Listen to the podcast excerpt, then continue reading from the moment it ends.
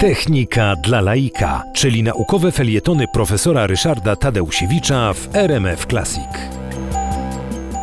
przez długi czas, poczynając mniej więcej od e, początku II wojny światowej, budowano mnóstwo samolotów, zresztą najpierw bojowych, potem do zastosowań cywilnych, ale oczywiście nikomu nie przyszło do głowy, żeby e, jakoś tam no, oglądać ptasie skrzydła, na czymś się tam wzorować e, i, i po prostu w tej chwili potrafimy zbudować dowolny samolot o dowolnych właściwościach, po prostu wychodząc tylko od naszego doświadczenia inżynierskiego i wiedzy teoretycznej w zakresie fizyki, aerodynamiki itd.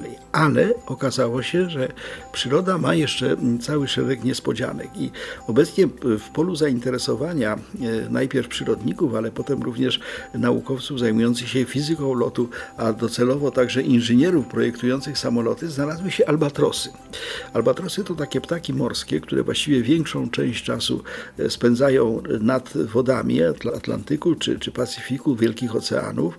E, Mają, to są wielkie ptaki, one tylko przylatują na ląd na czas prawda, żeby złożyć jajka, wychować pisklęta i z powrotem w powietrze ponad te oceany.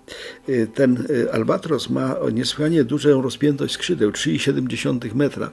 To jest o, ogromne. Warto spojrzeć na najbliższy pokój i zobaczyć, że właściwie no, rozmiary typowego pokoju nie pomieściłyby takiego albatrosa z rozłożonymi skrzydłami. Natomiast rzeczą, która jest szokująca wręcz, jest zasięg lotu takiego ptaka.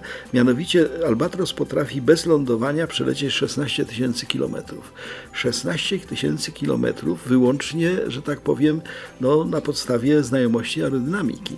Okazuje się, że y, zamiast siłowego pokonywania oporu powietrza, co robią nasze samoloty, albatrosy znakomicie wykorzystują te y, prądy powietrza i umieją wykorzystać no, właściwości atmosfery, czują to powietrze. Mm, I y, budowa skrzydeł albatrosu, która jest bardzo złożona, okazuje się z bardzo wielu elementów, te skrzydła się składają, każdy z tych elementów ma swoje właściwości i swoje zastosowanie, powoduje, że w chwili obecnej ponownie zaczynamy patrzeć w kierunku naśladownictwa skrzydeł ptasich, w tym wypadku tych albatrosów, dlatego że jeżeli chcemy latać tanio, to być może powinniśmy z powrotem wrócić do źródeł. Nowoczesne odrzutowce są wspaniałe, ale drogie.